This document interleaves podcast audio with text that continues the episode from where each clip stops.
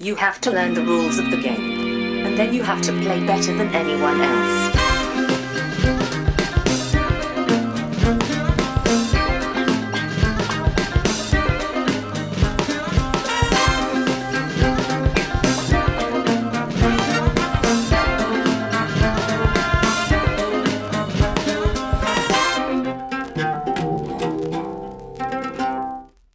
Hej och välkomna till Vems tur är det mellan turerna? Podcasten där vi pratar om spel. Jag heter Marcus Bisman och med mig har jag som vanligt min bästa vän och kollega, halvan till min helan, Johan Gärderud. Hallå Bisse. Hej! Jag vet inte vad jag ska, vad jag ska säga om den riktigt. Nej, Eh. klassiskt radarpar bara. Ja, enkelt. egentligen. Så vi, vi är liksom eh, brädspelens helan och halvan, du och jag. Vad, vad eh, lägger det för någonting på våra axlar egentligen? Vilket Ja, ansvar jag får vi då? Ja, vi, vi jönsar oss en massa, tror jag. Ja, men det gör vi väl.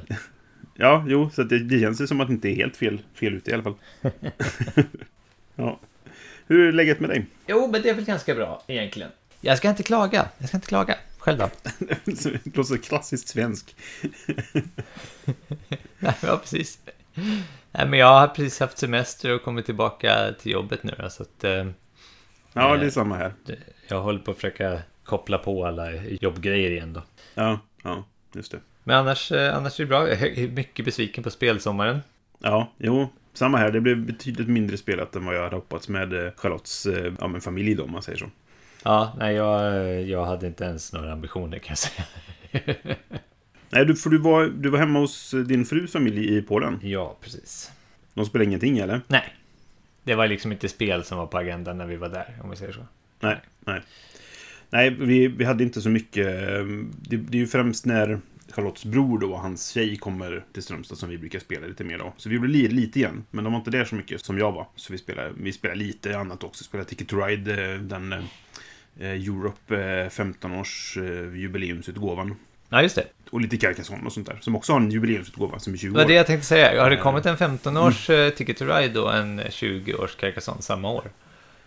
Ja, precis. Det är ju, det är Ticket Ride Europe då, som är 15 år. Ja, den, okej. eh, den andra originalutgåvan är väl lite äldre då. Och vad är, vad är grejen? Den, det är inget skillnad egentligen. De har bara slängt i expansionen och sen har de gjort jättestor spelplan och sån här... eh, Som i den originalspelets utgåva, eh, jubileumsutgåvan, så är det finare vagnar liksom sådär. Eh, och små plåtlådor och tjosan och hejsan liksom. Men i, spelet i sig är ingen skillnad liksom. Just det, ja. Nej, men det kommer jag ihåg nu att det har jag nog sett några bilder på. Och Car- Carcassonnes jubileumsutgåva är ju, alltså så här, det är också en liten expansion med och den får The River med som, som bas och så är det lite så här jubileums extra tjosan med liksom där också. Mm. Jag förstår. Men ingen större skillnad i gameplay som man säger på ren svenska. Var inte Carcassons eh, jubileumsutgåva liksom nya, alltså ny, ny artwork på tiles, tilesen eller något sånt där? Alltså det var uppdaterat eller någonting. Ja, alltså jag ska helt villigt erkänna att jag, jag hade inte kollat på den nya utgåvan som kom för några år sedan. Om det är samma artwork som den vet jag inte, men i jubileumsutgåvan så har de massa så här ja, men, passningar till de andra utgåvorna som finns av Carcassonne. Så du har mammutar med från Hunters and Gatherers och du har liksom så här så det är massa sådana små detaljer med. Eh, Så det är nog helt ny artwork Ja, okej. kan jag tänka mig då. Möjligtvis att den är baserad på den nya artworken. Och så är det så här UV-printing, så det är, det är lite så glansigt eh, på vissa eh, detaljer och sånt liksom. Fancy schmancy. Ja, det är väl lite trevligt, kanske? Ja. Ja. Men det är, det är ju så här, jag, jag skrev en recension i till Phoenix av den, men som går ut, alltså det är så här, du behöver inte köpa den här ifall du redan har Nej. spelet liksom. Men det är en utmärkt utgåva att köpa om man inte har det. Ja. För att det är en väldigt fin utgåva liksom. Cool.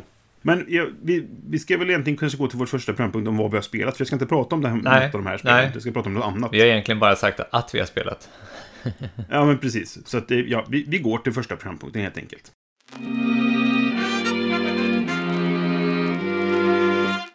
Ja, vad har vi spelat på riktigt, eller på så här då? Istället. Vad vill vi prata om att vi har spelat? Ja, men Ja. precis. Så, lite, lite, mer detalj kanske. Vill du börja? Jag kan börja, ja precis. För jag har lyckats då spela ett helt spel i somras. Oh. Och det är ett spel som heter Seize the Bean. Ja, just det. Det här kaffespelet. Ett spel om kaffe. Ja, precis. Mm. Som eh, man har fått vänta på ett tag om man har varit Kickstarter-backer. Ja, det tog ett tag, ja. Ja, typ fyra år eller någonting sånt där. Ja, Men det kom i alla fall. Det är ändå lite ja, det kom till slut. Jag tror att det finns lite olika anledningar varför det var så sent. Liksom.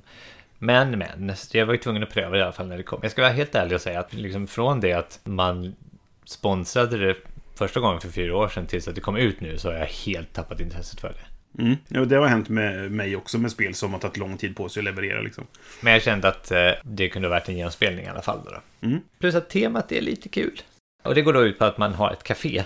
Eller ja, det är väl ett café egentligen då, men det är ju egentligen en sån här typ så här barista-style coffee shop. Där så ska du attra- attrahera kunder från olika delar av staden då, eller av och olika klassificeringar ska vi säga. Spelet det har då ett antal faser. Först börjar man med sina actions, då kan man antingen gå och skaffa resurser. Det finns några resurser i spelet. Kaffe, socker och mjölk. Ja. Eller så, så kan man gå och eh, trigga vissa effektkort som gör att du får antingen rekrytera kunder eller köpa nya bakelser som du kan servera i ditt café eller köpa inredning. Mm. Inredningen den förstärker de tre senaste actionsen, alltså gå ut på stan och hitta nya kunder eller köpa inredningen själv eller köpa nya bakverk. Bakverken modifierar hur mycket resurser du kan ta när du tar hämta resurser-handlingen. Du kanske har en så här kaka du kan servera, så här sockerkaka av något slag. Då varje gång du går och hämtar socker så, så får du mer socker för att du har mer demand så att säga på att du kan servera dina kakor. Ja, det, det är lite sådär. Ser inte riktigt kopplingen där, men Ah, okej. Det är så det funkar i alla fall. Och sen då efter det så är det en hype phase och då har du en, då har du en lek med eh, kort som är dina visitors. Du börjar med typ så här farmor, farfar, din kompis och din kusin eller någonting sånt där. Okej. Och då i den här hypefasen så drar man kort från en högen och då är det de som kommer till kaféet och de du måste servera. Och sen, måste, sen ska du servera dem då och då har de olika så här. Jag vill ha ett, ett socker och en kaffe eller jag vill ha två kaffe. Eller, alltså sådär, det är lite, lite Grand Austria Hotel-stuket på det. Det, det låter ju nästan som ett sånt här eh, mobilspel där du driver någon sån hamburgerhak och så kommer det en bara Jag vill ha en hamburgare med pommes frites och så ska du servera det. Typ. Ja, precis. För varje runda då så måste du lyckas servera dina kunder. Om du gör det och gör dem glada, då, ja, det, det, nu blir det lite komplicerat här. Man kan göra kunderna glada. Om de är glada så lämnar de en review. Och reviewen är spelets poäng. Okej. Mm. Men om de inte får det de vill ha, då lämnar de en bad review. Och det är typ minuspoäng då. Och så, finns det, så kommer det hela tiden nya kunder till staden. Man har en, en gemensam hög med kort, eller hög face-up-kort på mitten av bordet där man kan liksom rekrytera. Eller, eller jag det är for lack of a better word, men det är så här att man helt enkelt säger att går ut med word of mouth och säger typ att ja, men här finns vi och så attraherar man visst den här typen av, av person. Ja. Och, och så håller det på sådär och så själva spelet är liksom resursoptimering då eh, genom att effektivisera sin motor och sen samla den typen av kunder som mest passar ihop med det då. Just det. Sen, men sen är finns det mekaniker för att liksom så här, vissa kunder, beroende på vad du har för inredning och vad du serverar, så kommer vissa kunder dit ändå. Ja, då Det kanske är kunder som inte du vill ha där, som, du, som är antingen är jättedyra att servera eller har något annat liksom, som inte liksom går in med, som är, kloggar din lek helt enkelt. Så det finns det, den aspekten av det också då. Så vi har spelat det här. eh, Vi spelade grundscenariot där det finns en hurv med scenarior. För Okej. Man fick typ så här expansion, 17 000 olika expansioner som var så stretch goals. Okej. Men vi spelade liksom grunduppsättningen med typ den här typen av mix av människor. Det var så här clubbers, cyclists, alltså typ. och, och alla, alla de här har någon typ av olika liksom effekter. Jag samlade till exempel på musicians. Och de, de Mm. kan göra andra glada som sin specialförmåga. Så om man serverar dem, då kan de göra andra glada som är i, i Okej. butiken också. Och en glad kund ger en bra review. Men vad, eh, vad tyckte vi då om det här spelet? Ja, ja. Jag Mja. tyckte att det var lite för random. Alltså just Mm. man har sån, det är vem, vilken kunder man kan attrahera eller vilka inredningar och sånt man får är helt random. Eh, Det är väldigt svårt Mm. att kontrollera det. Och eh, det blir jättemycket olika kombos som man kan göra. Och det är ju såklart kul att utforska men de, de resulterade alltid i ungefär samma sak.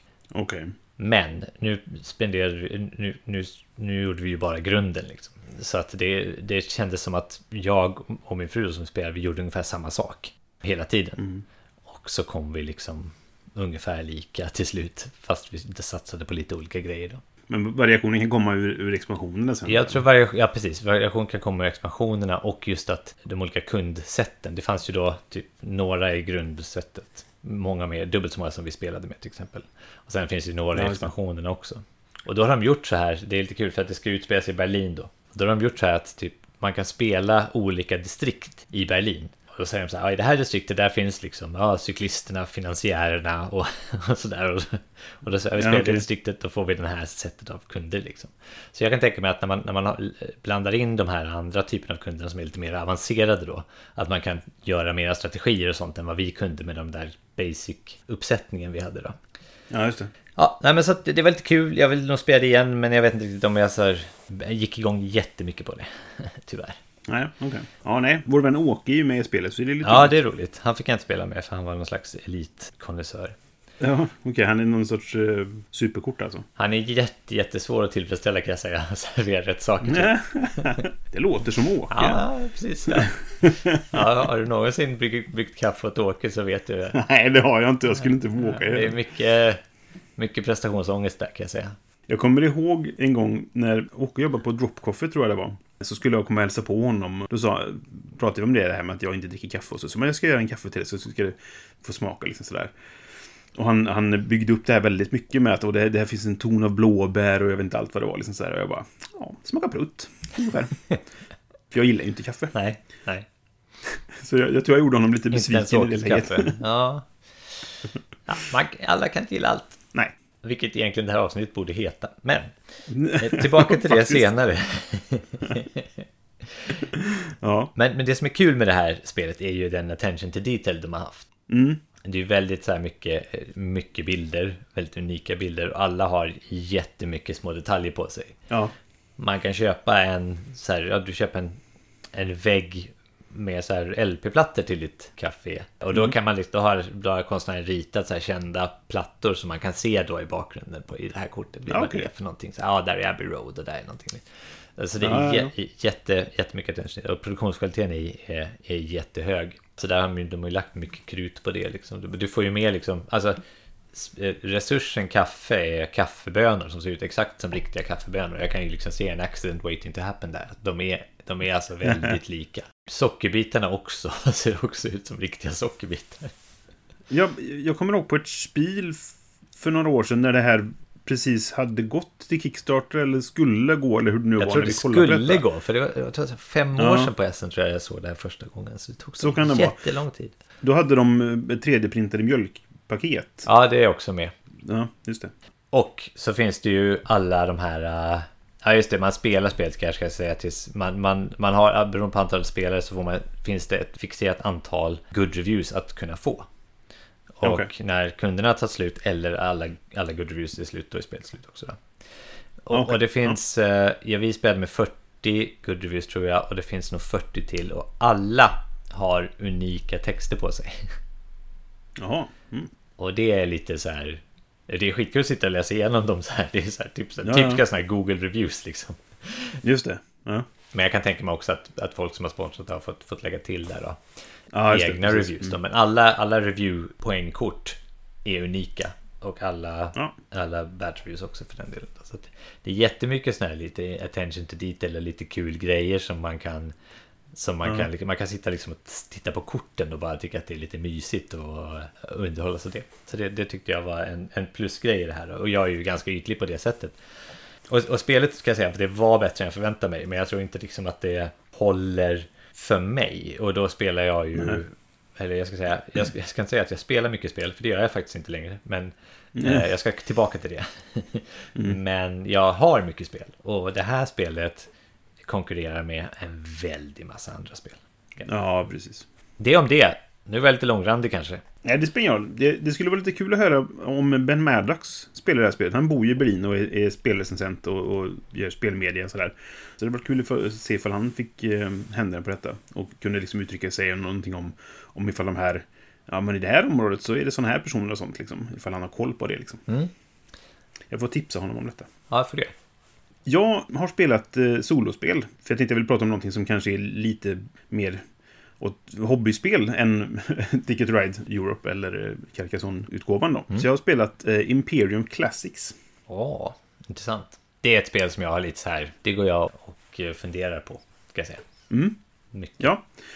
Det, det, det ju, finns ju två utgåvor. Då. Det finns Imperium Classics och Imperium Legends som är samma spel, alltså regelmässigt. Regelboken är samma i båda spelen. Men du får olika lekar då, för det är ju, du bygger ju Imperium sådär, eller har ett Imperium.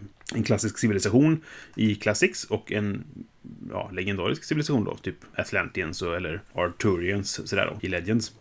Som jag förstått så är komplexiteten på civilisationerna är högre i Legends. Därför började jag med Classic för att lära mig spelet helt enkelt. Ja. Det är en lekbyggare. Där, ja, spelar man på flera då så har ju alla varsin civilisation då som man ska mm, liksom bygga upp då. Alla har sin egen lek. De är asymmetriska, väldigt olika, tror jag i alla fall. Och sysslar med olika saker egentligen. Men sen har du då också en gemensam pool med kort som du kan, kan skaffa under spelets gång. Eh, spelar man solo som jag gjorde nu då så har man ju helt enkelt en, en bot-AI som, som spelar också en egen lek. Och den har en, eh, vad ska man säga, en, eh, en checklista som du har. Kollar av vad den gör med korten. Så den gör liksom inte det som står på korten. Den använder, varje eh, civilisation har sin egen checklista egentligen. Ja, det. På din tur så har du tre handlingar. Man har tre stycken liksom markörer som visar att du har handlingar och så använder du en handling för att spela ett kort. Och i grunden så är det... De många kort går ut på att skaffa resurser som du sen kan använda för att skaffa kort egentligen, för att bygga leken då. Och det finns då en, en, en öppen display där det finns fyra sorters kort egentligen. Där tre stycken är från sin egen lek och så finns det en gemensam lek med resten av korten där det finns en fjärde sorts kort då. Nu kommer jag inte ihåg vad någonting heter bara för det. Eh, men, men du har eh, liksom platser och du har eh, civilisationskort som är, kan vara antingen då tidig civilisation som är, mer naturbaserade och, och eh, byar och sånt. Och sen har du då de mer, när en civilisation kanske har blivit mer uppbyggd då. För att din civilisation kan vara i två stadier. Du kan vara barbar eller en, en nation, kanske det heter. Jag kommer faktiskt inte ihåg nu, civiliserad eller ja, vad det nu är. Och många av korten är då kodade till en eller andra. Och du kan bara spela kort som är i den modet som du är i just nu liksom. Har du, har du dem i din lek samtidigt? Eller? Alltså, så att du, kan du stacka kort i din lek som är... Till exempel om du är Barbarian kan du stacka Nations-kort i din lek? Ja, jag kan hålla med leken, men jag kan inte spela dem så länge jag är barbar. Ja, okej. Mm, mm, jag förstår. Och det, det, är ju, det är ju en del av spelet, att när du Ja, gör den, precis. den switchningen då så får du försöka sålla ut de korten som du inte kan använda längre. Och det finns jättemycket olika sätt att göra det på, för du kan stoppa kort i din history, som är helt enkelt, du har ett kort som visar vilken civilisation du är och som visar ett grundsätt att få poäng på. På ena sidan och på andra sidan så har du också ett sätt att få poäng, men också en specialförmåga. Och där kan du stoppa in kort. Och så finns det även att när du spelar vissa andra kort som du lägger framför dig, för vissa kort stannar kvar i spel och ligger framför dig. Och då kan du ibland garrison kort i dem. Alltså du stoppar ett kort under det kortet bara. Och så ligger det där tills originalkortet som du har stoppat under eh, går tillbaka in i lek. Då går det garrisonerade. Ja. Fantastiskt ord. Ja, det undanstoppade kortet med också tillbaka. Liksom då, va? Så det kan man också laborera en del med hur man vill göra det. Jag förstår. Och så finns det också så här katastrofkort typ. Som du kan få in, in i leken. Som är liksom bara negativa. De är minuspoäng och de gör ingenting när du får dem på handen egentligen. Och de får du när du när du skaffar nya kort kan du göra det på två sätt. Nu kommer jag inte ihåg vad det heter. Det, det ena heter breakthrough och det är det bra sättet att göra det på. Det andra heter nog bara acquire eller någonting. Och gör du en breakthrough då slipper du ta det kortet. Det här katastrofkortet då. Men gör du det andra sättet som är billigare oftast då. Då får du med det in i leken liksom. Och sen varje gång du gått igenom din lek, om det är i slutet på rundan när du ska dra en ny hand, om du inte har eh, kort nog att dra, då blandar man ju om, som i de flesta lekbyggarspel. Men då lägger du också in ett kort från din Nation Deck då, i, le i leken. Så du får automatiskt ett, ett Okej. uppgraderingskort om man säger så. Och när de är slut, då byter du och blir en, en, eh, ett imperium, en nation då istället för att vara en barbar. Ah, I see. Okej. Mm. Så det sker automatiskt och man kan skynda på det genom att slimma leken. Förstår. För att då drar du oftare, du går snabbare igenom leken och sådana saker. Va? Och sen bottspelaren då, han gör liknande sätt då. Att varje runda så lägger han upp fem stycken kort framför sig och så slår man en tärning. Slår du sex så kommer han aktivera alla fem korten. Men annars så lägger du tärningen på det, den siffran du slog då och han aktiverar inte det kortet nu. Och så går man igenom dem och så kollar man den här checklistan. Ja, det här är ett sånt kort. Då är, går man uppifrån och säger, är det ett sånt? Är det en sån? Är det en sån? Nej, där var det, okej. Då, då tigger detta liksom. Va? Och så gör han saker. Och varje gång han gått igenom sin lek så får han också ett kort till sin lek. Och så håller han på så och, och cyklar. Väldigt enkelt när man väl kommit in i det. Jag gjorde en del fel igår när jag spelade. Som ledde till att jag vann ganska stort för att jag missade ett par detaljer i hanteringen där. Men det, det var ju ett learning game kan man väl säga då. Att jag skulle försöka lära mig spelet då. Så nu, nu tror jag det kommer sitta till nästa gång. Okej. Ja, mm. ja, det låter bra det där spelet alltså. Ja, det var riktigt bra. Alltså så här, nu har jag spelat det som sagt en gång, jag spelade lite fel. Men det, det finns åtta civilisationer i varje låda. Så i Classic-lådan är det åtta civilisationer och sen är det åtta till då i Legends-lådan. Och jag tror att du kan få väldigt mycket variationer på hur man spelar dem och så vidare. Och det finns mycket att utforska i det. Och sånt tycker jag är roligt. Ja, jag får lägga vantarna på en av de där tror jag. Eller båda. Mm. Jag eh, ser fram emot att spela igen och det är alltid ett bra tecken. Ja, Så det var Imperium Classics har jag spelat. nice. Då går vi vidare till vårt huvudämne. Yes. Vi hade tänkt prata lite grann om att sätta betyg och betygsskalor och att recensera och sådana saker i det här avsnittet. Exakt vad ämnet är, det är lite fluffigt, lite diffust sådär. Men, men om betygssättning och sådana saker hade vi tänkt. Ja, precis. Alltså, det gör vi ju alla på sätt och vis, indirekt eller, eh, eller direkt. Eh, Ja, och det, vi konsumerar en del betyg, känns det Precis. som. Alltså som, som spelare så är det någonting vi tittar mycket på inför kommande köp, om man säger så. Ja, Eller är det det? Alltså, det, det, det är det vi ska reda ut här i- egentligen. Ja, lite liksom. så. så att, för att, ehm, jag kan tänka mig att det finns olika personer och det tror jag faktiskt är Mm. lite... Alltså, alla är olika. Och vi konsumerar, precis som vi konsumerar kläder och, och, och vad vet jag, tv-kanaler olika, så konsumerar vi också spel på olika sätt. Liksom. Så hur, Ja, hur hjälper egentligen betygssättningen och hur kan vi då som, som recensenter eller jag vet inte, är vi influencers? Jag vet inte. Hjälpa Det, till? jag skulle inte vilja kalla mig... Jag, jag kallar mig recensent, för jag Ja, men det är du faktiskt. Phoenix. Det har du också gjort, men du gör det inte lika kontinuerligt, eller man säga, som jag gör. Precis, precis. Men vi sitter ju här med den här podden i alla fall och någon lyssnar ju på oss. Så att ehm, ett rätt intressant med lite spretande ämne helt enkelt. Ja, jo men det är det. Och det, som sagt, det är därför det känns lite fluffigt sådär. Men eh, vi, ska försöka eh, ge våra tankar och, och funderingar kring det i alla fall. Ja, precis. Vilken ände börjar man då? Jag vet inte, så här, betyg. Jag, när jag tänkte på det här betygssättning och sånt där så tänkte jag ganska direkt på dels då det när vi recenserar i, i Fenix. Eh, Men o- också på, på Board Game Geek såklart. Ja, men visst.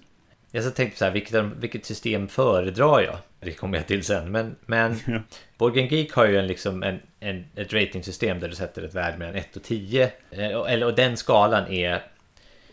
Den lämnar lite att önska, eller sagt den lämnar absolut ingenting att önska. För där finns alla val mellan, mellan liksom himmel och jord. Alltså, det, just om man kollar på deras definitioner av det. Det är det jag tycker att han haltar lite. För att definitionen där är alltid baserad på hur ofta du vill spela ett spel. Och där en 10 är ett spel som jag kommer alltid vilja spela detta och det kommer inte aldrig förändras.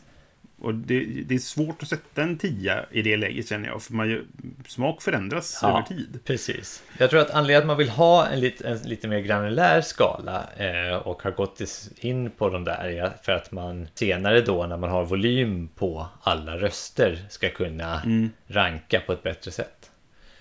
Jo, för, och exakt, exakt hur deras rankingsystem funkar, det vet jag inte. För jag, det, det är inte bara typ det spel som varit mest 10 och ligger etta liksom. För det, det, det tar, det finns, den tar ju in alla betygen och så vidare. Och sen så finns det någon algoritm där som på något sätt spelar in också, som jag inte vet exakt hur den funkar. Men, men det är ju ändå den här rankinglistan, topp 100 och vad man ska säga då, den är ju baserad ändå på betygen som användarna har satt. Ja, precis. Men det finns ju också olika kategoriseringar och sånt. Så de har säkert något så här smart sätt där. Och sen finns ju den här The Hotness också. Som jag tror är en del av betyget. Ja, kan, ja kanske i och för sig. Men Hotness tror jag bara är baserat på kli- antal klicks. Ja, precis. Antal gånger någon är inne på en sida på ett spel. Jag vet inte om det påverkar hur rankingen ser Men ut. säg att du har ett spel som, säg att du har en algoritm där eh, två olika spel får 8,0 men ett av dem har tre gånger mer besökare och tre gånger mer liksom konversation i forumen. Ja, Då hade jag rankat det spelet som mer populärt. kanske. Jag, jag skulle tro att det kanske har mer med antalet betyg att göra i så fall. Ja, det, det, som- det tas säkert också in där liksom. Mm. Men det är det jag menar. Det är den där, exakt hur den algoritmen ser ut, det vet jag inte. Sen kanske jag använder ordet algoritm fel. Då får jag stämma mig. Ja, det tror jag inte du gör. Jag, vet inte. Ja, nej, det, så länge du inte använder ordet logaritm istället. Var fick jag det ifrån? Ah, ja, skitsamma. inte. Nu ska vi se här. Nej, men det, så här, det betygssystemet som finns nu då, det, det är inte perfekt. Och, så här, jag förstår nej. att de har satt det här. De måste ha en definition på det. Och man kanske får bort sig lite grann från och bara tänka att är det spelet värt gillar, då sätter jag en 10 kanske på det. Men det, det gör ju också att det leder till att det blir ett krigsfält. Ja. för de som vill tycka om ett spel. Vill, vill du höja ett spel, då sätter du en 10 på det. Det är därför det är så kul att kolla på det här när folk sätter 10 och 1 på spel som inte ens är släppt än. Ja, precis. Du har inte spelat det här spelet, men du sätter en 10 på det Ja. för att du backar Ja. på Kickstarter. Eller du sätter en etta på det för att du hatar den här designen eller vad det kan vara. Och Liksom. då påverkar man säkert hypen på det spelet också. Liksom. Ja, visst. Ja, men absolut. Så det är, ja, det är lite knasigt det här systemet, men i alla fall. Det är ett system. Och jag själv går ju gärna in och sätter liksom ettor på alla 18xx-spelen bara för att jag tror att min aktion ska betyda någonting och dra ner dem från... Okej. Det, gör, det gör jag inte. Men... eh, Nej, nej, men jag, jag sätter betyg eh, på, på spel. Det bästa nu med att man håller på med det här eh, Big Stats är att den kopplar ju till så att den lägger in dina plays även i, i, på Game Geek. Ja, då kan du gå in och, söka på vilka spel har du inte betygsatt som du har spelat. Ja. Eh, så då får man ganska lätt lista på som man kan bocka av då helt enkelt. ja, precis. Jag har väldigt svårt för den där betygsskalan dock. Jag tycker att man använder kanske bara hälften av dem. Och så typ 7 och 8 är liksom ungefär samma sak. Eller om det var 8 och 9. Det är så här. En är typ så här, jag kommer alltid vilja spela det här och jag kommer föreslå det. Och den andra är, jag kommer alltid vilja spela det här. Ja, men precis. Så, så man får nästan bara tänka kanske en 10-gradig skala istället. Liksom. Ja, precis. Av ren nyfikenhet sådär, vad har du för average rating på, på Board Game Geek? Ja, du. Det kunde du frågat innan så jag kunde tagit fram det. åt. Men eh, låt mig klicka lite. Var hittar jag det någonstans? Profile kanske? På din profil. Och så scrollar du bara ner på högra spalten. Average rating. Ja, här har vi ja. 6,9. Okej, jag ligger på 5,69 så det känns som att jag ligger på medel ändå någonstans. Ja, Jag har två tior och tre ettor kan jag säga också. Det är lite kul att se så här, extremerna liksom. jag sätter nästan... Alltså, hmm. Ja. Nej, men jag, jag sätter inte många låga betyg, det gör jag inte. Men jag sätter ganska många betyg på typ så här. Ja, det här var väl okej. och det är typ 6. Ja, precis. Sex för mig är, det här var okej. liksom. Ja, Men så de flesta, mina flesta betyg är ju på 6, 7 eller, eller 5 helt enkelt. Och sen så blir det eh, färre och färre uppåt och neråt liksom. ja. Jo, men så. Jag gick faktiskt in och ändrade lite betyg igår. Alltså jag tycker igenom de här som spelade men inte betygsatta liksom. Och då kollade jag på mina högsta betyg så här, för det är kanske de som känns mest relevanta att, att ändra på. För att de låga betygen man satt, de har man inte spelat det spelet igen. Så man har, kan, man har inte ändrat så mycket uppfattning om det. Men eh, jag ändrade några nior till åttor och några åttor till sjuor och så vidare. Liksom, så där, för att eh, jag kände att det här spelar jag ju inte så ofta och kanske inte har samma, det inte- har inte samma rosa skimmer runt sig längre som det hade förr. Nej, precis. Och det får man nog göra om man ska försöka vara ärlig i sin eh, liksom... Ja, eh, jag tror det. Att man borde göra det i alla fall. Mm. Men vad, vad betyder det här för dig då när du går in på till exempel nu, nu går jag in på Bärenpark och det har 7,4 på Board Game Geek. Nu får jag ta fram detta också. Bären Park. Det spelar ingen roll vilket spel det är, men vad betyder det för dig att den har 7,4? Ja, jag vet inte. Jag, jag, jag bryr mig inte så mycket egentligen om det där. Det som jag kan kolla på ibland det är overall ranking och vilken den specifika spel som i det här fallet då Bären Park är ett family game då. Ja, De rankingarna kan jag titta lite mer på. Att den har 7,4 det betyder att ja, men det här är ett spel som kanske kan vara bra. Men i och med att allting är ju baserat på, de som har satt betyg på detta har ju, har ju spelat det och utifrån vad det är för spel, ja exakt. om man säger så. Ja, och deras personlighet, inte sant? Ja, men precis. Men det, alltså, om, om jag skulle spela då ett 18xx-spel till exempel, då skulle jag kanske sätta lågt betyg på det, för jag kommer antagligen inte tycka att det är så roligt. För att det är inte min typ av spel. Om jag ändå sätter mig och spelar det, så borde jag ju sen betygsätta det liksom då, va? Men alltså någon som gillar den typen av spel, till exempel Åke, han sätter ju antagligen ett högt betyg för att han gillar den typen av spel. Och därför så betyder det ingenting.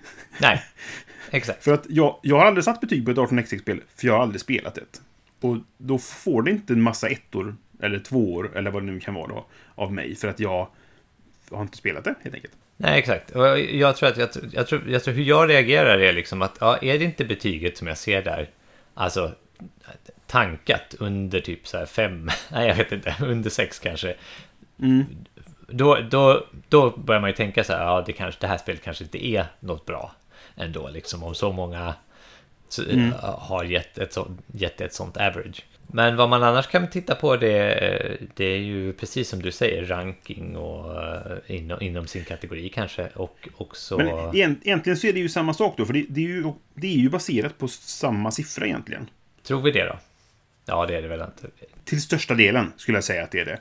Nu, jag var tvungen att av nyfikenhet att ta fram Gloomhaven, som ändå ligger etta overall, etta thematic och etta strategy game. Ja, Och det har ju en, en, en average rating på 8,8.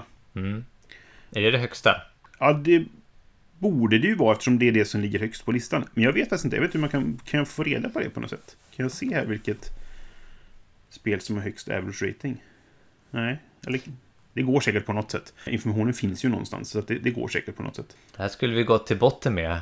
Ja, det borde vi gjort före vi började spela in. Nej men så här, jag, jag kan tänka mig att det, det betyget, eller i alla fall den kanske hotness-skalan eller någonting, det är en summa av kanske framförallt då alla spelares betyg, men också liksom i relation till hur många klicks sidan har, hur många som har satt betyg. Hur många som satt betyg, det, det, är, det är säker på att det Ja, har en, jo, jo. en påverkan Men på det. Jag säger att allt det, det här är, har en påverkan, tror jag. Alltså, och hur, många, hur många klick sidan har, vilken, vilken aktivitet det är på forumen. Allt sånt där skulle jag väga in när jag rankar de här grejerna. Frågan är om det, om det, om det är någonting som går in i det overall-betyget och modifierar där. Eller om det är Ja. nå, någonting som, som kanske ligger och bubblar fram spelen på en annan liksom, ranking vad gäller där de promotas på andra ställen. Mm. Nu i alla fall, jag, jag tror att jag försöker säga att jag, jag tycker inte det där, den där 7,4 betyder så mycket för mig. Den kan verka som Nej. en, som en varningssignal ifall den är för låg. Ja, jo, men det kan, det, det kan jag hålla med om. Och det här som du säger, typ så här, ja men det här spelet är ju inte ens släppt ännu, varför har det så här 9,1? Det funkar Mm. inte. Men en annan sak man kan titta på är också, tycker jag, weight i relation till betyget. Ja. Nej, men ja, precis. Om du kollar på båda de siffrorna så kan du få en, en, något som är lite mer rättvisande för vad du är intresserad av, så att säga. Precis. Alltså det är om Board Game Geek. Jag, jag, jag tror att det är min summering av det. Jag tycker att betygsskalan är lite kluddig. Jag vet inte exakt hur den här rankingen funkar. Utan jag ser det mer som en så här, inte ett absolut betyg på att ja, men ett spel som har sju är ett bra spel. Utan snarare som en flagga. om det är något spel som är så här, har ganska lågt betyg då kanske jag ska ändå undvika det liksom. Ja, just det. Ja, men precis som en varningsflagga då. Liksom. Ja. Mm. Nej, men visst, jag, jag håller med om det. Jag, jag använder det nog på ungefär samma sätt kanske. Så det tycker jag inte är så användbart helt enkelt. Det är sällan jag baserar ett köp. Att jag ska köpa ett spel. Det är väldigt sällan jag ens kollar upp vad det har för rating då. Före jag gör det. Ja. Det, det handlar ju mer om vem, vad jag hör att folk pratar om. Rekommendationer från vänner och bekanta. Och recensioner och sådana saker som jag mer kollar på. Alltså på YouTube eller läser i tidningar eller på, på hemsidor och vad det nu kan vara. Va? Väldigt sällan som betyget på Board Game Geek spelar in för min villighet att köpa ett spel. Mm. Ja, men där håller jag nog med. Däremot kan ju då betygssättning, som sagt, från en recension spela större roll. Ja, Beroende på vilken skala de har och sådär då. Men, men vad, vad den får för betyg där spelar ju betydligt större roll för, för det valet helt enkelt. precis. Och då tänkte jag prata lite om... Först, först tänkte jag prata om en sån skala. Sen kan vi prata lite om Fenix också. Mm, absolut. Men jag, jag läser ju den här Tabletop Gaming. Eh, som är en, en eh, tidning om brädspel helt enkelt. Inte, inte konstigare än så. Och deras eh, betygssystem är typ... I, i, de har ett, ett slut, en slut... ehm, summering och så, så står det play it. Alltså typ, de försöker svara på frågan åt dig om du ska spela eller inte. Och, då, och där kan du ha no, maybe, probably, yes och must play. Ja. Och det här probably och maybe, det undrar jag lite varför det finns. Jag har inte riktigt sett hur den här... alltså, jag antar att probably är före maybe. Probably låter starkare än maybe. Ja, pro, probably är så här antagligen, medan maybe är kanske då. Så att, Mm. Men, men jag brukar generellt inte ens ägna en tanke åt probably eller may- maybe-spelen. Om inte, och då, den andra grejen de gör är att eh, de, de har en liten kolumn för varje recension. Så här, pröva det, om du gillade det här spelet så kan Just det här det. vara ett bra spel. Mm. Eh, och där kan man få upp ögonen lite. Så det kanske står, det var ett spel nämligen nu som jag i det senaste som heter The Lost Explorers. Jag vet inte om du har hört talas om det, men det är recenserat här i alla fall. Och då, då, då hade jag fått maybe på playet. Men så står det Try this if you liked Lewis and Clark. Ja, okej. Okay. Och då tänker jag så här, jaha, ja, men då får jag ju titta lite närmare på det i alla fall. Liksom, mm. Är det bara temat eller är det någonting annat också i, i, i mekaniken som går igen där som jag känner igen mig och gör att jag skulle tycka om det här spelet? Det. Så det tycker jag funkar. Det är en ganska simpel skala, alltså typ yes, no, maybe, probably, must play. Och sen försöker mm. jag göra en lite så här, jag gör en anteckning varje gång det kommer ett must play-spel och så tänker jag att det här spelet måste jag spela. Kanske inte köpa, men jag måste ha spelat i alla fall. Liksom, så, så, så, ja, så, pass ja. mycket litar jag på dem liksom, så att de, de kan. Okay. Fast det är inte alltid det går bra. Ja. Men det tycker jag är en ganska intressant betygssättning, för då är det så här typ att det är inte riktigt så här Visst, de gör ju det här betyget att ja, vi tycker att du ska spela det här eller att du inte ska spela det här. Men de vet mm. ju ingenting om mig. Däremot Nej. så vet de att det här spelet liknar ett annat spel. Just. Då kan jag bestämma att om jag gillade jag det andra spelet, då kanske jag gillar det här spelet. Det som är intressant då är ju vad är det de tycker är likt med ja, det här? Är det precis. tematiska likheter? Finns det en spelmekanik av av 5-10 stycken som, som är samma. Eller sådär. De här kopplingarna kan ju ibland vara väldigt olika hur starka och svaga de är om man säger så. Exakt, och där är det nog lite så här 50-50. Alltså där får, man, där får man ta en chansning eh, i sådana fall då. Mm. Om man ska låta, till exempel i, i det här fallet, om man ska låta en sån här try this uppväga ett maybe. Just det. det är ju en chansning liksom. Mm -hmm. Men jag tycker att det är ett, ett intressant betygssystem som jag tycker gör mycket mer liksom makes more sense än en, en siffra. Liksom. Ja, alltså siffror. Dels är sifferbetyg svåra att sätta, tycker jag. Men framförallt så, det, det, vad det kan vara bra till är den här första, är det här ens värt att läsa? Så att säga. Mm. Recensionen. Men sen tycker jag att, att det, det är, man måste nästan alltid läsa, läsa recensionen för att då kan det stå till någonting där om, jag skriver ju själv då sådana saker om att det här spelet skulle kunna passa dig för om, om du gillar den här typen av spel eller liknande. Medan jag försöker sätta ett betyg som är, är rättvist även om man inte gillar den typen av spel. Alltså, det, förstår du vad jag menar? Att ja, ja, nej, men det... Då blir det ett medelbetyg där på något sätt. Liksom. Och ja. siffran är ju en första indikation på det.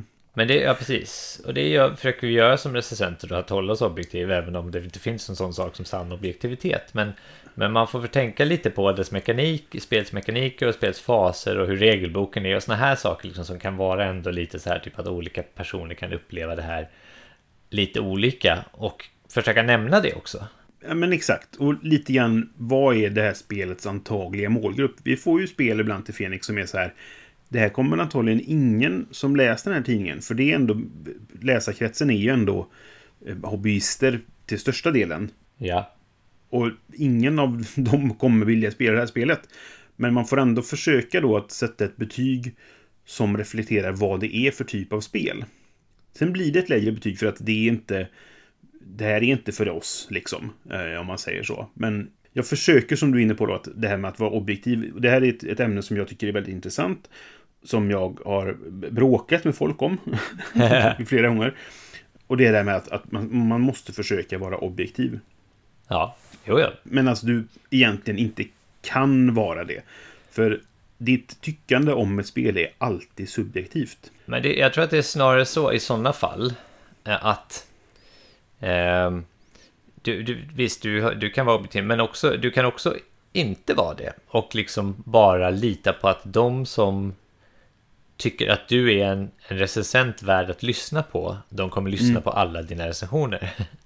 Det, det är ju någonting som det är nästan givet. Det är någonting som i, i när vi eh, gör eh, första intrycket som, det är inte en recension på det sättet, för det är första intryck egentligen. kan man ja. vara noga med att påpeka. Liksom. Men när vi gör det så, alltid när vi har en ny person i podden så brukar vi alltid säga vilka är dina favoritspel? Så att man ska få ett hum om vilken typ av spel den här personen gillar. Liksom.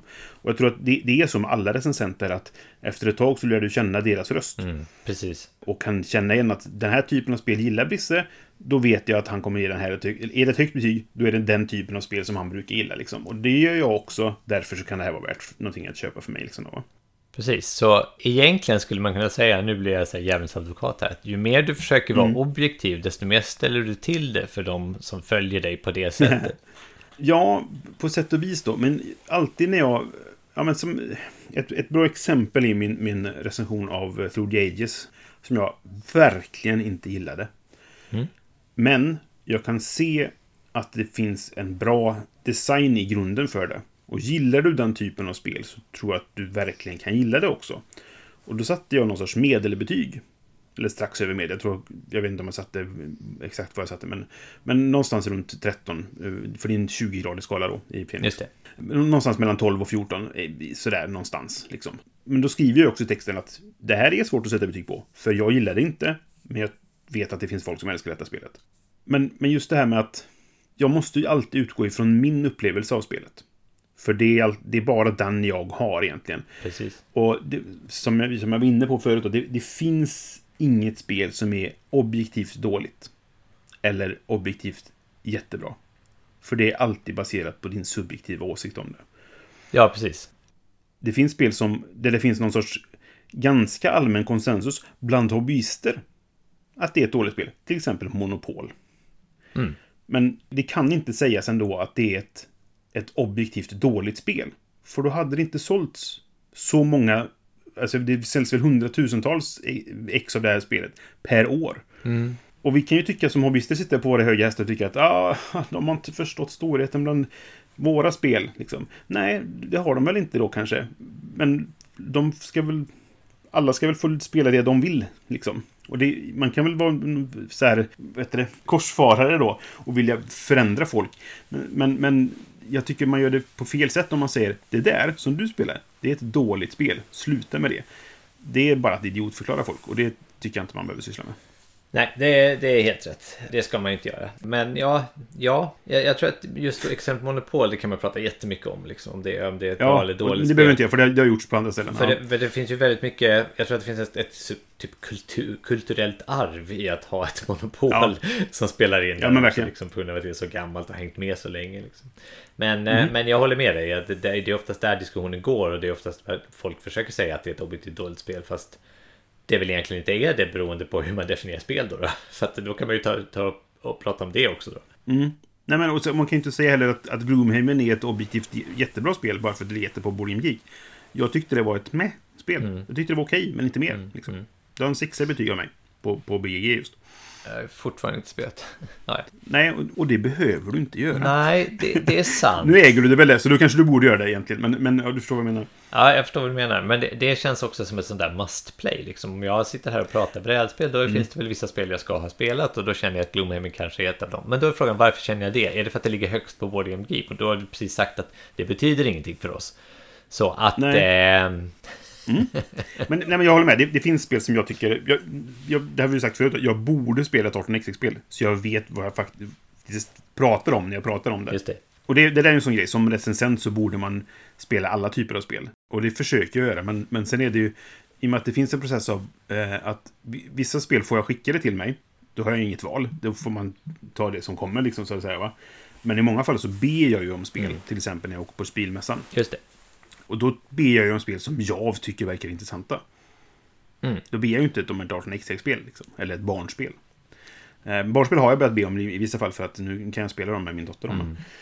Men du förstår vad jag menar? Ja, visst. Ja.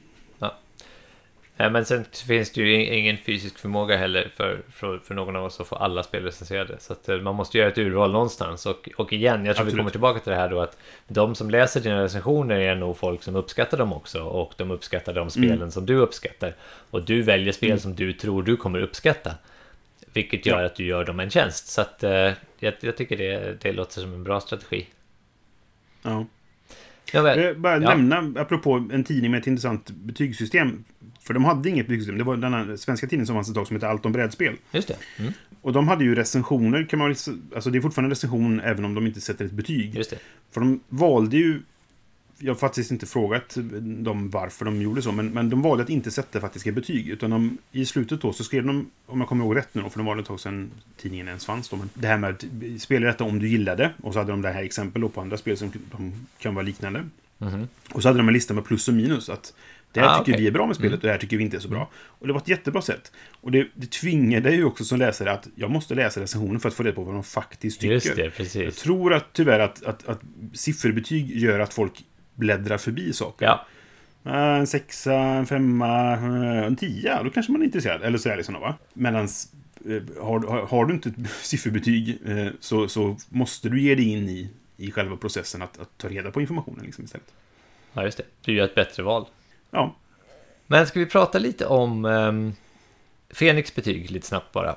Mm. Det, det är ju två stycken 10-gradiga skalor. En som heter intryck, som handlar om mycket om hur spelet ser ut och hur komplett det känns och hur mycket liksom, spelvärlden är utbyggd i. För i det är ju byggt egentligen för att recensera rollspel då. Mm, just det. Mm. Och sen är det innehåll som är då ja, men, regler och sådana saker. När jag recenserar brädspel i Fenix så är det ju intryck är hur ser spelet ut och hur är komponenterna. Medan innehåll är hur är det att spela det.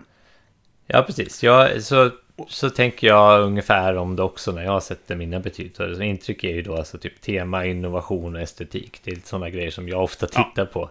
Men Innovation ja, och Då, är, då tänker jag kanske mer innehåll, alltså hur, hur eh, är det spelmekaniskt innovativt? Eh, Ja. Men menar du kanske menar på ett annat Ja, sätt? jag menar på, på ett på, jag tror jag menar temamässig innovation. Typ så här, är det här spel, Okej. ett spel om det här? Jaha, liksom. Eller, eller typ så här, Ja, det här spelet ja. är jättelitet, men har ändå mycket.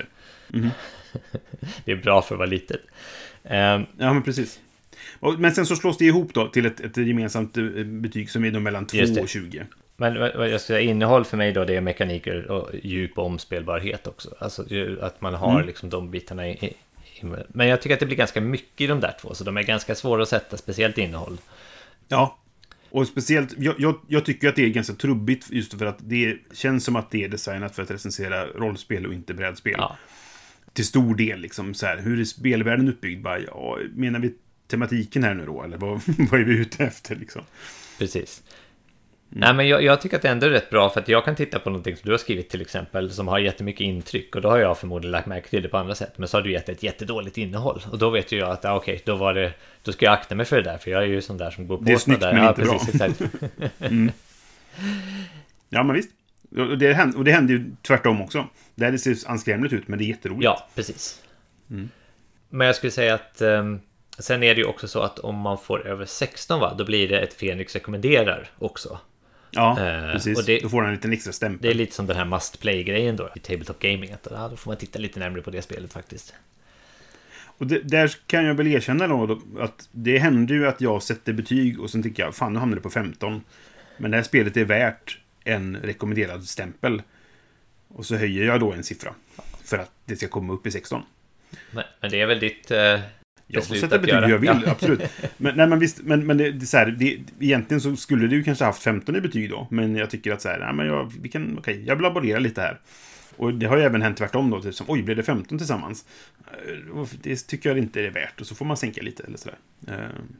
Ja. så men det är väl det som är processen att komma fram. För jag tycker det är svårt att sätta sifferbetyg. Ja, Just där, sätta en siffra på vad tycker jag om det här spelet. Det är jättesvårt.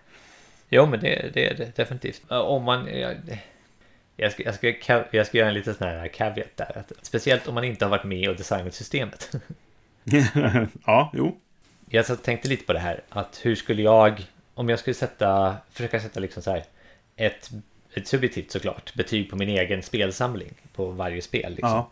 Hur skulle det se ut?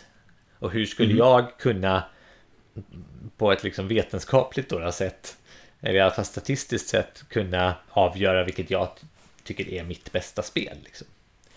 Just det. Och då, eh, då tar man den här Board Game Ranking-appen. Den kan man ju göra såklart. Det, då blir det olika brackets mot varandra och det blir typ ganska rättvist, men kanske inte. Och då tänkte jag, jag vet inte om du hann tänka på det, men hur, hur skulle du gå tillväga för att liksom sätta betyg på dina egna spel? Vad är, den, vad är, vad är skala, eller skalorna kanske jag ska säga, som du skulle använda? Jag, jag tänker ju lite grann så som vi har valt, eller jag har valt, för det var jag som satte det betygssystemet, att göra i, i första intrycket. Det är ganska binärt egentligen. Antingen gillar jag ett spel eller så gillar jag det inte. Men sen kan man ju gilla dem olika mycket naturligtvis. Men att bara ha tumme upp eller tumme ner, Mm. på eller av, liksom, ett eller nolla. Det är nog det som jag egentligen skulle använda. Sen är frågan, har jag bara i min samling spel som eh, skulle få tummen upp? Nej, det har jag inte. Nej, För att det finns spel som jag vill spela med vissa personer eller som jag tycker passar i vissa lägen. Och då är det roligt. Och då får det vara kvar i samlingen liksom. Dessutom har jag då svårt att göra mig av med saker för att jag är en hoarder. Ja. Jag med.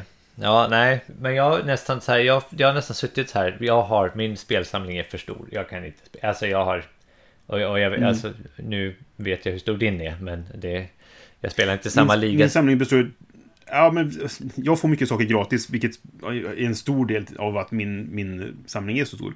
Och sen är det också så att en stor del av min samling, lite för stor del, är spel jag inte ens har spelat än. Ja. Speciellt nu då, efter de senaste Ja, precis. År, två åren nästan nu då, eh, av, av inaktivitet så att säga. Jag har lite över 250 spel. Liksom. Och Mm. om man då ska spela ett spel om dagen så eh, är det liksom två tredjedelars år nästan. Mm. Tre fjärdedelars. Eh, Och det är liksom inte rimligt att ha så mycket spel. Så jag skulle vilja hitta ett Nej. sätt att gallra på. Liksom. Nej, nej, och jag, jag har gallrat min samling. Men det finns en gräns då, som jag tycker är svår att komma förbi. Då jag känner att det här spelet vill jag ju kanske spela någon gång. Liksom. Så då, då kom jag fram till följande i alla fall. Mm. Jag skulle, om, jag skulle, om jag skulle sätta betyg på mina egna spel så att säga. Då skulle Mm. jag vilja ha tre skalor. Okej? Och det ena är faktiskt intryck. Jag tycker det är, är faktiskt en jättebra grej och en sak som jag Det är någonting som du tittar mycket på. så betyder någonting för mig helt enkelt. Mhm. Den andra är upplevelse. Alltså, hur känner jag när jag spelar det här spelet? Är det liksom ett motorbyggande som jag går igång på? Är det bygger jag någonting? Alltså typ som är vackert att se på eller liksom berättas det en historia för mig? Ja. Och den sista är den, din som du brukar vurma för rätt mycket, omspelbarhet. Alltså typ hur många gånger kan jag spela det här spe- spelet och få olika upplevelser? Hur mycket kan jag upptäcka i det? Ja. Så de tre sakerna kommer jag fram till. Alltså, skulle jag ha betygsskalor så skulle jag vilja se dem där rankade. Ja, då, då skulle du göra lite grann som i Fenix då, att du helt enkelt sätter ett, ett sifferbetyg på de tre och sen så får du ett gemensamt betyg. Förmodligen ja. Ja. Mm. Den är bra. ja. Skulle du lägga till någonting där? Nej, jag... Hmm. Nej, Ja. jag vet inte. Jag, jag tror att när jag tänker till mig själv så är jag inte så noggrann som jag tror att jag är när jag betygsätter i Fenix till exempel. Jag kanske skulle göra det till en tregradig skala. Som vi ibland då flörtar lite grann med i podden. Att så här, det är en tumme på sidan. Ja, just det. Att så här, jag, jag tror jag skulle nog säga, skulle jag ha den skalan, då tror jag inte att jag har något spel i min samling som får en tumme ner. Okej. Ja. Möjligtvis något undantag för det spel som är här. Det här har jag kvar lite grann för samlingsvärdet. eh, Alltså nostalgiskt samlingsvärde eller sådär. Just det. Men jag, annars skulle nog alla spelen ha åt sidan eller uppåt liksom. Så att om det nu är 1, 2, 3, där 1 är bäst, så skulle det vara ettor och tvåor i min samling. Men Mm. inga treor. Mm. Skulle jag gissa nu då. Mellan tummen och pekfingret sådär bara. Av det jag spelat. Ja, jag kan inte sätta betyg på saker jag inte spelat. Så mitt omdöme om vad jag gillar går nog inte längre än till gillar jag det eller inte egentligen. Okej. Jag bryr mig inte ifall ett spel, säg att du har en femgradig skala. Ja, ja, varför ska jag bry mig om det? Varför ska jag sätta det egentligen? Sen, Det låter konstigt då med tanke på att jag ändå gör det och har gjort det över 500 gånger i tidningen. Men det, då är det liksom något jag behöver göra för tidningen. Ska jag göra det på fritiden? Ja, det. Det, är, det är jag inte intresserad av om man säger så. Jag tänkte då att det skulle användas till en högst liksom, eh, vetenskaplig process att sålla ut de spelen som... Alltså man drar en linje någonstans. Nej, men och det, det funkar. Det, det är jättebra att göra det. Jag gjorde en, eh, efter att jag gjort min topp 100-lista sist gång nu då. Då valde jag lite grann att kolla på de spelen som hamnade utanför topp 100. Och det är så här, jag äger 500 spel, ungefär. Men alla spel som var över 100 då, säg mellan 100 och 200. Då, valde jag att så här, jag en extra titt på de här. Är det här spelet verkligen vä- värt att ha? Och så var det flera av dem som jag sållade bort. Mm. Som väl egentligen då är, är, är två år på min 1 till 3 skala, om man säger så. Eh, Ja. Mittemellan då antagligen. Men på något sätt var det lite skönt. Och det var så här, jag, gjorde egentligen valet, kommer jag spela det här igen? Mm. Nej, för jag kommer alltid välja något annat. Eftersom Ja, jag då har precis. fler spel än vad det är dagar på året. Så, så kommer jag inte ens hinna spela alla mina spel på ett år. Nej. Och då finns det alltid spel jag kommer välja före det här spelet. Och då behöver jag inte ha det längre. Nej, precis. Och, då skulle man ju i den, i, i den mer eh, liksom, ja, vetenskapliga um, sållningen så får man försöka också göra någon slags bedömning på liksom, ja, vilka spel är ungefär samma. Ja, Som jag sa nu om det här Seize the Bean, att liksom det, är ett spel som, som gör väldigt mycket samma saker som till exempel Everdell. Det är väldigt likt i, i sina mekaniker och liksom hur, hur det fungerar. Liksom. Mm. Och jag, jag spelar ju hellre Everdell. Liksom. Mm. För det är ändå ett av, av mina toppspel. Att, och då borde ju per default man kanske sålla några spel bara där. Jo, och det, det är det jag borde bli bättre på. Att så här egentligen säga att jag behöver inte det här för jag spelar hellre det här. Och så vidare. Men ibland säger det så här, fast någon gång kommer jag vilja spela det här. Mer, liksom. Då, då, någon gång vart tredje år, då är det det här som är det jag verkligen vill spela just nu. Liksom. Ja, ja, så kan det ju vara. Och då får många spel vara kvar. Och sen som sagt, nu, nu jag tror att efter den här pandemin nu då, så, så tror jag att min samling består nog av säkert en fjärdedel ospelade spel. Just det, ja. ja. Och det, det är det största problemet, att min samling är så stor just nu. Att det är så mycket jag, jag skulle kunna göra mig av med egentligen. Men jag har bara inte spelat det än. Jag tycker det är jobbigt att sälja spel jag inte spelat. Eh, Ja, jag har gjort ja. det, men jag tycker det är jobbigt. Ja, ja, men det är det ju. Man har ju liksom sett någonting där i det, förmodligen. Nej, men visst. Jag är ju så här, eh, jag tycker att alla betyg är alltid individuella liksom. Och det får man liksom ta och veta med sig liksom när man går och tittar på en recension eller när man går och tittar på Board Game Geek eller, eller, eller när man lyssnar på oss till och med. Liksom.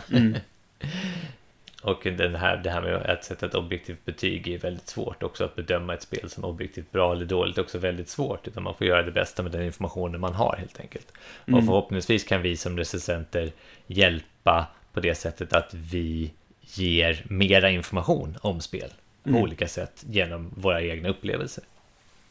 Ja, precis. Och jag, det är lite kul också, för jag, ser jag toppbetyg på saker, då blir jag tveksam. För då blir jag så här, varför har du satt en 10 här? Eller en 20 då i, i Fenix fall. Jag har aldrig satt en 20 i Fenix. Jag har heller aldrig satt en 2 kan man säga då. Jag tror jag satt en 3 någon gång, jag har satt 19 vet jag. Men, men så fort det är de högsta betygen på någonting, då blir jag så här, hur, hur mycket har du faktiskt bedöm, gjort den här bedömningen? Eller så här, liksom, va? Det är så lätt att sätta en 10 på sitt favoritspel. Det har jag. De två spelen jag sa på, på Board Game Geek som är är 10, det är, det är Lewis and Clark, för det är mitt favoritspel. Och sen är det No Thanks, för jag tycker att det är en sån snygg design. Eh, Det är, den är fortfarande på min topp 100 No Thanks då, men jag tycker att det, det är ett spel som alltid funkar. Liksom. Mm. På Board Game Geek är kanske lite mer fritt där, men om någon i en, en, en, eh, tidningsrecension eller på en hemsida sätter en 10 eller en 5 ifall det är högsta betyg sådär, då blir jag så här, okej, nu måste jag veta vad du faktiskt har skrivit där. Då- vill jag läsa det bara för att se, menar du verkligen det där? Liksom. Och samma sak med en etta. Eller tvåa, typ. Ja, precis. Ja, att sätta betyg utan att motivera det, det är ju också någonting som liksom bara Ja. är helt oanvändbart. Ja, det är faktiskt helt oanvändbart. Det ska man inte göra. Nej. Nåväl. Är vi, är vi klara? Alltså, det blir Ja. ju det här, blir, det här blev en diskussion. Det blev löste ju inga problem. Nej, men det är det här våran podd är. Vi pratar Nej, om någonting precis. som vi tycker är intressant och så är det, är det någon som vill lyssna så är det alltid trevligt. Ja. Men ja, betygssättning det är intressant och, eh, och svårt. Ja. Som sagt. Nej, men det är det. Det är helt ärligt väldigt svårt. Det, det ska sägas också, liksom, att man kan... Det är väldigt svårt att vara... Det, det, ett sätt man kan försöka vara objektiv är att lyssna på alla som har haft spelupplevelserna med dig som, runt bordet också. Försöka ta in deras intryck så att man inte bara skriver om det som man själv har uppfattat. Ja, verkligen, det är en jättebra poäng och det är därför vi gärna har de här diskussionerna runt bordet. Som, som vi, vi brukar prata om att vi tycker... Ja, men det här som, som när Åkes eh, bror sa att ni pratar ju om spel nästa år, ni packar inte bara ihop dem liksom. Vi bara, nej men det är självklart för oss liksom, mer eller mindre. Och mycket av mina betygssättningar och recensioner baseras ju på vad vi pratar om runt bordet när vi håller på och, och packar ihop det liksom. Exakt. Så är det absolut. Och jag kan ärligt säga att när jag började skriva Fenix så hade jag helst sluppit att sätta sifferbetyg. Jag tyckte det var superjobbigt i början. Ja. Nu har jag gjort det så mycket att nu är jag van, så nu Ja. går det på ren rutin liksom. Men jag tyckte det var jättesvårt i början. Men det är väl en liten kalibreringsövning. Ja, men visst. Och skulle jag gå tillbaka och kolla på betyg nu så skulle jag nog ändra en del av de där första jag satte. Vissa skulle vara högre och vissa skulle vara lägre, helt klart. Just det. Just det. Men, men som sagt, det är en liten kalibreringsövning och det, och det leder ju Mm. också till att eh, säga att du sätter sju intryck på ett spel och jag sätter sju ett intryck på ett spel så det är helt olika sjuor. Ja, nej men visst, så är det. Eh, så att, ja. Ja, men okej, Nåväl. nog om det. Japp. Vi går vidare till vår nästa programpunkt. Jodladi, jodladi, hoppsan vilken dag. Då har vi kommit fram till inte ett speltips-tipset. Där vi tipsar om någonting som inte är ett spel. Mm. Jag kan börja den här gången, för jag, jag tänker, det här är ju en, en uppföljning då på vad vi pratade om förra avsnittet. För din del hoppas jag, för jag har inte känt att jag har någonting att följa upp på. Nej, från min del. För du tipsade i förra avsnittet om de här Star Wars Infinity, heter de så? Just det, Infinite ja. Ja, Ja, tipsade, jag vet, ja, ja precis, det var ett tips. Nej, ett, ja. Det var lite så här, ska jag tipsa eller inte? Ja, nej men precis. Men, men det fick mig att, att tänka på någonting. Jag sa det, att jag, nästa gång kommer jag prata om Star Wars-böcker. Just det. Och det är det jag tänker tipsa om nu. Det är en bokserie som består av rent tekniskt sett fyra böcker. Men jag tycker bara man behöver läsa tre av dem. Och det är Tales from-serien. Och då finns det Tales from the Mos Eisley Cantina, Tales of the Bounty Hunters och sen Tales from Jabba's Palace. Sen finns det också då eh, den fjärde delen som är Tales of the Empire. Mm, Jag har läst den, den är inte lika bra, tycker inte jag. Okej. Är det här, får jag bara fråga en, en fråga nu då först, innan vi går Mm. in på det här. Är det här böcker som fortfarande är canon efter Disney-köpet? Det är nog tveksamt. Okej. Allting är... De, nej, men efter Disney-köpet blev inte allting Legends som inte var filmerna. Jag tror det. Jag tror det. Så, och det, de här kom ju före då, så de, de borde vara Legends nu för tiden. Ja, Just det. Men de utspelar sig efter eller under de första...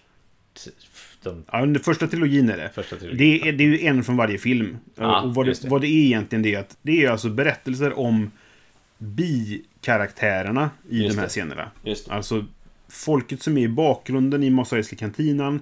Det är de här Bounty Hunters som Darth Vader anställer då för att hitta eh, Han Solo eh, i, i Empire. Och det är bakgrundsfigurer i Jabbas Palace då. Så Jabba finns ingen historia om till exempel. Och sådär liksom. Men, men de övriga karaktärerna som syns i bakgrunden eller ha, har någon liten del då. Och så är det liksom en, en novellsamling egentligen där man får följa dem ja, men, i, i händelserna kring det som händer i filmen då. Så i Mos Eisley Cantina får man se vad som, så här, lite grann vad som hände före eller efter eller under tiden som, som Luke och Obi-Wan där är där inne och träffar Han och Chewie då. Just det. Och eh, Tales of, from the, of the Bounty Hunters är ju då helt enkelt hur jakten för dem som inte är Boba Fett. Boba Fett är nog med också. Jag kommer faktiskt inte ihåg, det var väl länge sedan jag läste den här boken. Men, men eh, det är framförallt då de andra, Forlom och eh, Bosk och, och IG-88 de här då liksom, som vad de gör Succus. när de Glöm försöker inte hitta dem. Succus. Succus, precis. Och Dengar. Dengar också, ja. Och Jabbas Palace är, det, är, det är allt från uh, Gomorian Guards, eh, de här grisgubbarna då, till de här munkarna som är i spindel... Just det. I, i Grejer de här som går runt i bakgrunden, liksom är. så här. Exakt. Alla de, inte alla, men, men många av de här fin, har sin egen lilla historia då. Många av dem är väldigt dråpliga och det är ganska roligt och liksom så här, och man får en, man får en insyn att jaha, det var därför han var där ens, liksom sådär. Som gör att det blir väldigt kul att läsa. Och sen, jag gillar ju novellsamlingar överlag och läsa det, eh, för man får mycket olika historier på, i samma bok liksom. Men just att det knyts ihop då, man kan man hela tiden det här är ju filmer som man sett så många gånger då, så har man hela tiden i bakgrunden vad gör den här personen i den scenen egentligen? Han är där ja. Och så kan man få då en koppling till i novellen att ja, men det var därför det här hände, eller det var så det gick till. Liksom så. Och det, jag tycker de är väldigt roliga faktiskt. Jag vet inte hur lätta de är att få tag på nu längre. I och med att de är Legends nu så kanske de inte ens trycks längre, jag vet inte. Mm. Men de, de är väl värda att, att se om man kan hitta begagnade eller någonstans. Så här, för det är väldigt kul läsning om man gillar Star Wars. Jag har inte läst dem. Men jag, jag tror att det fanns en sourcebook till det gamla Star Wars-rollspelet, D6-rollspelet, som var så här Tales from. Jaha. sourceboken. Som handlar Okej. lite om de här figurerna. Och den kan jag ha sneglat i. Men eh, det är verkligen länge sedan alltså. Ja, okej. Mm.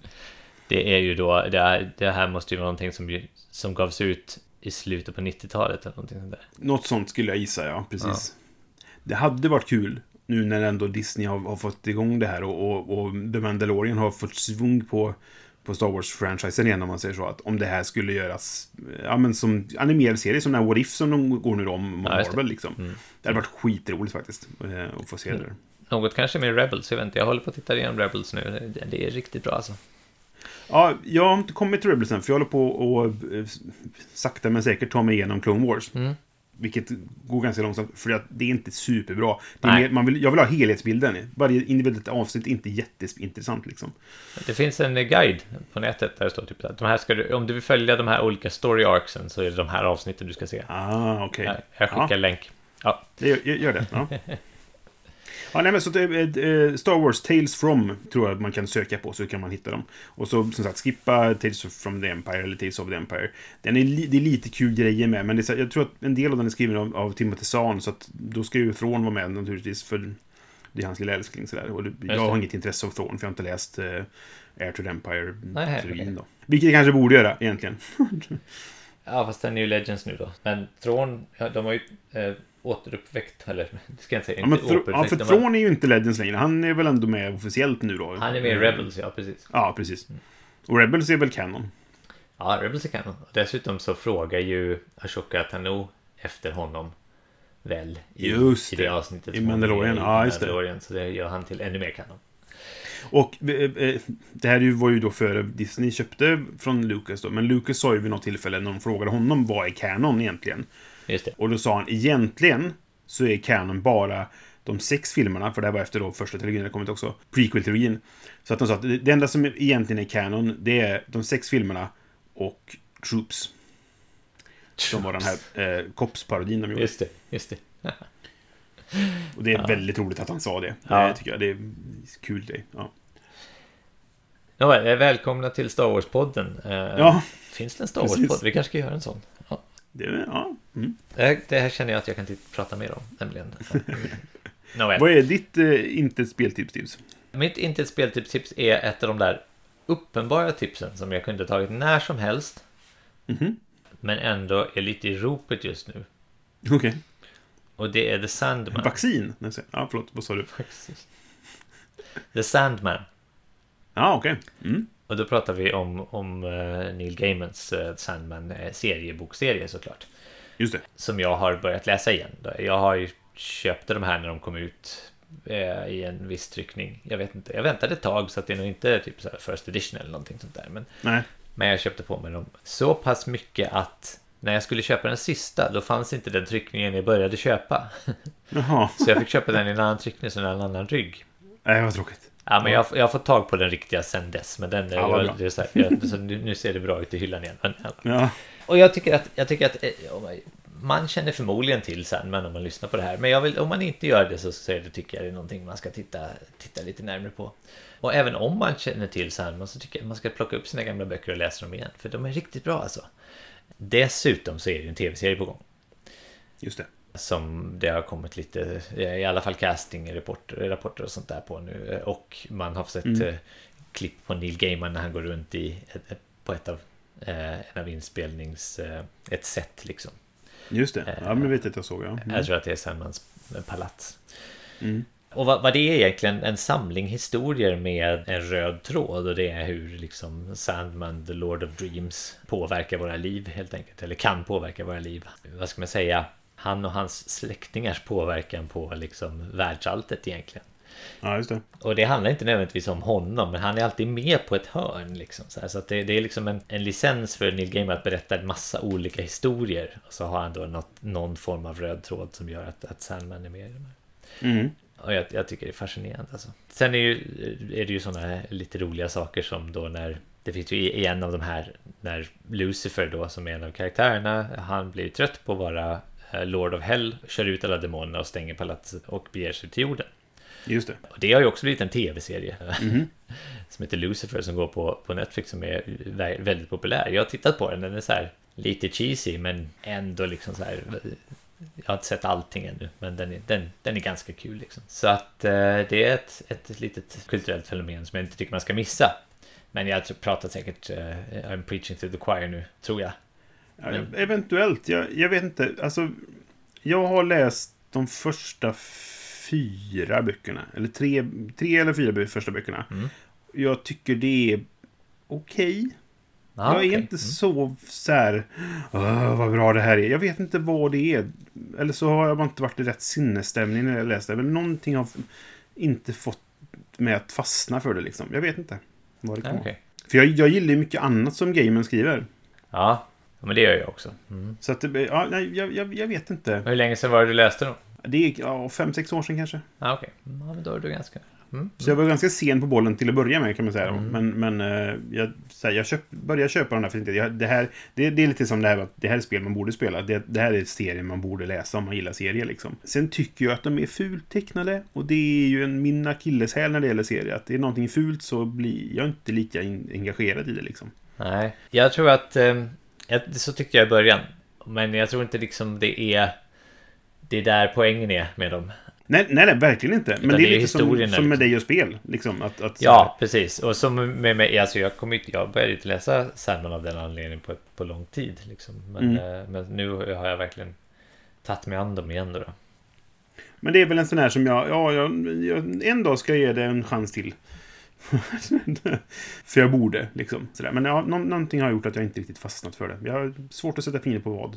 För det är intressant egentligen, och det, det handlar om väldigt intressanta saker. Så att jag borde Ja, det är väldigt fantasifullt om vi säger så. Mm, jo. Ja, men det, det är bra tips ändå för sådär, för jag tror att många skulle kunna gilla det. Har, har du inte testat så gör, testa i alla fall, för det, det kanske är någonting för dig, kära lyssnare. Mm. Eller vänta på tv-serien. Den kan nog bli ganska maffig. Ja, och där är jag kluven då. För att om jag inte tyckte serien var så bra, så borde jag se tv-serien då? Liksom. Jag har svårt att gå igång på det. Jag har svårt att typ säga åh, det här ser jag fram emot. ja, ja. Det var samma sak med, med, med Game of Thrones. Jag var så här, alla bara åh, det är så bra bok. Jag bara, okej, jag har inte läst den. Så att, men visst. Nej, precis. Och så började man se serien, för alla andra såg den, så man var tvungen att se den. Så tyckte jag den var bra, så fortsatte jag se den. Så det, ja, jag kanske gör det med, med Sandman Med TV-serien. den erfarenheten så kanske du skulle... Ja, ja. Ja, vi får se. ja. Ta det när du har tid. Ja, Ja. vi får väl se. Vi går vidare till vår sista programpunkt. Ja.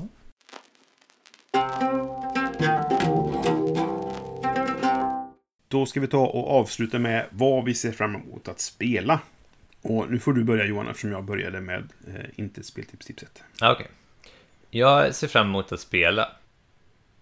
Alls, Punkt. överhuvudtaget. Ja, ja. Ja, ja, jo, samma här. Nej, ehm, man är ju så svältfödd på, sp- på spel nu, men ehm, Mhm.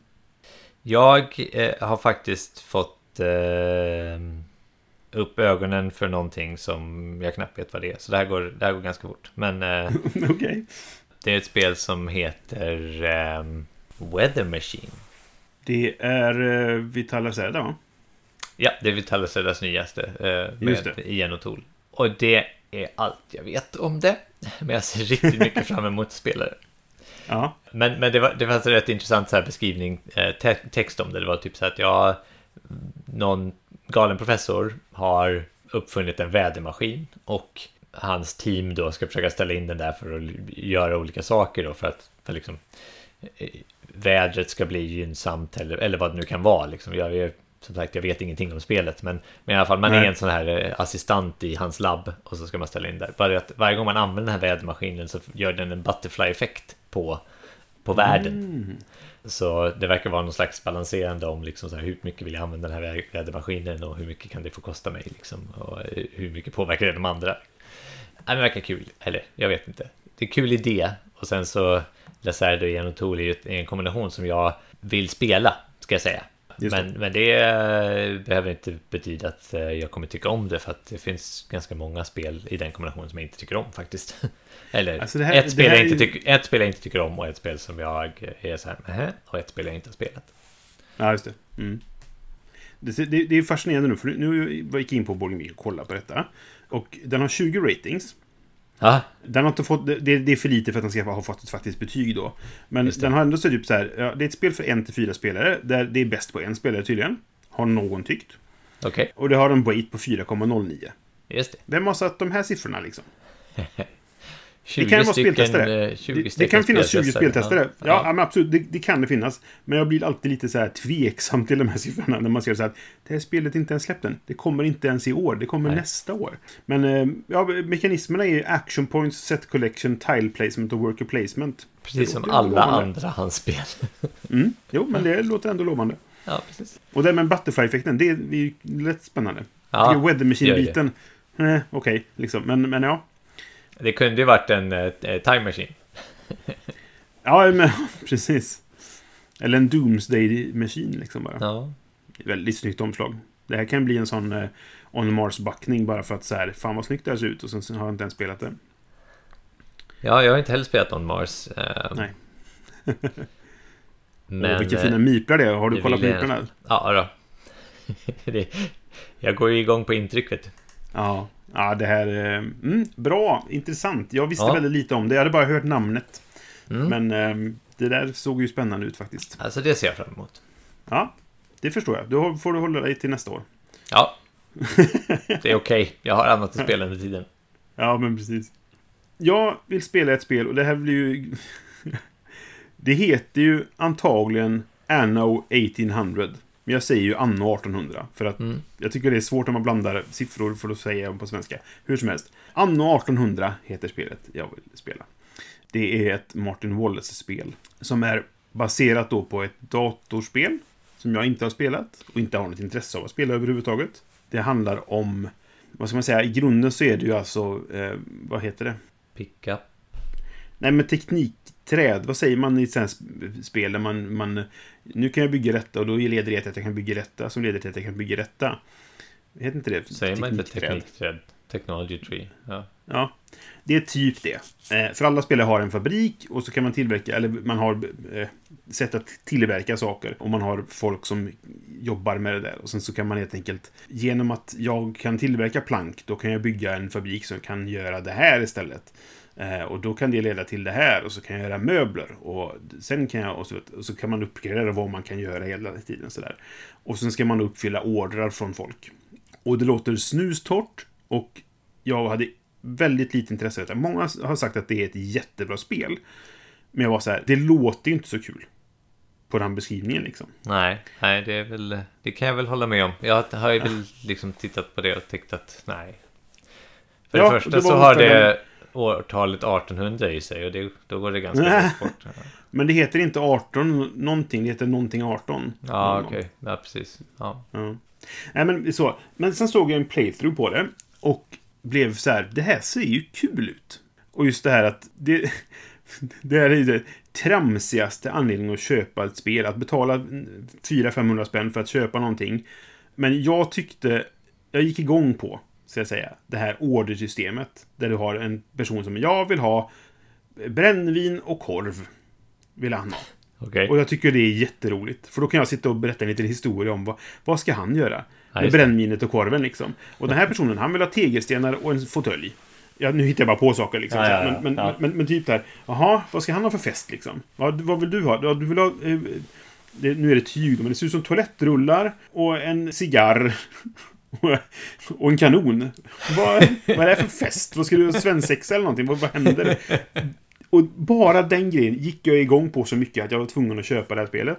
Okej. För jag tyckte att så här, det, här, och det, det kanske håller en spelomgång, sen är det skittråkigt, jag vet inte. Men sen verkar det dessutom som att det du gör i spelet är ganska intressant. För man kan handla, eller man kan inte handla med andra, man kan...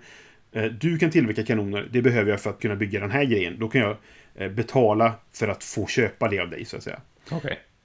Du får inte någon... Jag tror du får någonting, för du får guld för det, typ. Men det är inte av mig, du får det av banken, fast jag betalar... Ja, det är något sånt där, att man kan låna varandras resurser lite grann sådär. Och så är det egentligen bara ett, ett, ett, eh, så här order fulfillment, vad heter det liksom? Jag ska Ja, ja, kolla okej. vad det har för faktiska mekaniker enligt BGG. Endgame bonuses, race, tech trees och variable setup. Ha. Tittar man på det, det blir inte ett spel. De fyra sakerna. Nej. Eller race möjligtvis då, men så här, jag vet inte. Men det, väl, det, det känns som att därför så är det intressant också, för att det, det, faller lite mellan stolarna i klassificering på något sätt, känns det som. Jag vet inte. Och sen så jag tyckte bara det var kul att se, för jag såg en, en playthrough med, på Dice Tower och de verkade ha väldigt kul. Det har de oftast på sina playthroughs, liksom, men de fick det att verka roligt. Och så var det det här klassiska, jag skulle köpa någonting till mig själv i, i födelsedagspresent. Liksom. Tänkte jag att nu ska jag kosta på mig ett spel. Och då tyckte jag att jag ska fan skaffa detta nu. Så att, ja, det ser jag fram emot att spela. Av väldigt tramsiga skäl. Jag vill veta varför den här gubben vill ha brännvin och korv. Det är så här... Det får man inte reda på i spelet. Jag vill, jag vill sitta och hitta på det när jag spelar. Liksom, så här. Och jag vill sitta med andra spelare och hitta på det tillsammans. Jag tror att det skulle vara väldigt kul att spela detta med Josefin till exempel. För det gör hon ändå när vi spelar spel. Så att det... det, det Ja. Och, och, ja, det är, en, det är en väldigt svag anledning att vilja spela ett spel. Men på något sätt, det lockar mig väldigt mycket. Så att, eh, ja, det vill jag testa.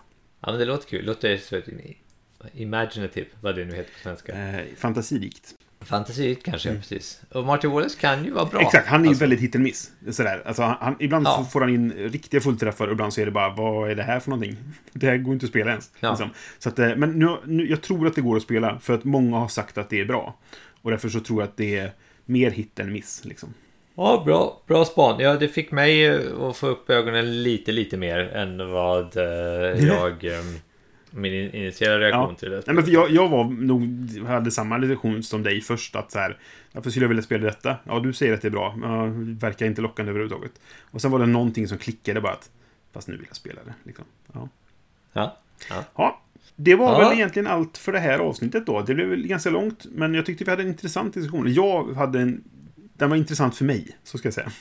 Sen om någon annan tyckte det, det får ni jättegärna höra av er och berätta i så fall. Om ni tyckte att vi hade helt fel, Ja, eller var ute och cyklade, eller om ni håller med oss, eller om ni har tankar eller funderingar om detta. Så hör jättegärna av er. Ni kan nå oss på brisse.spelradio.se eller johan.spelradio.se.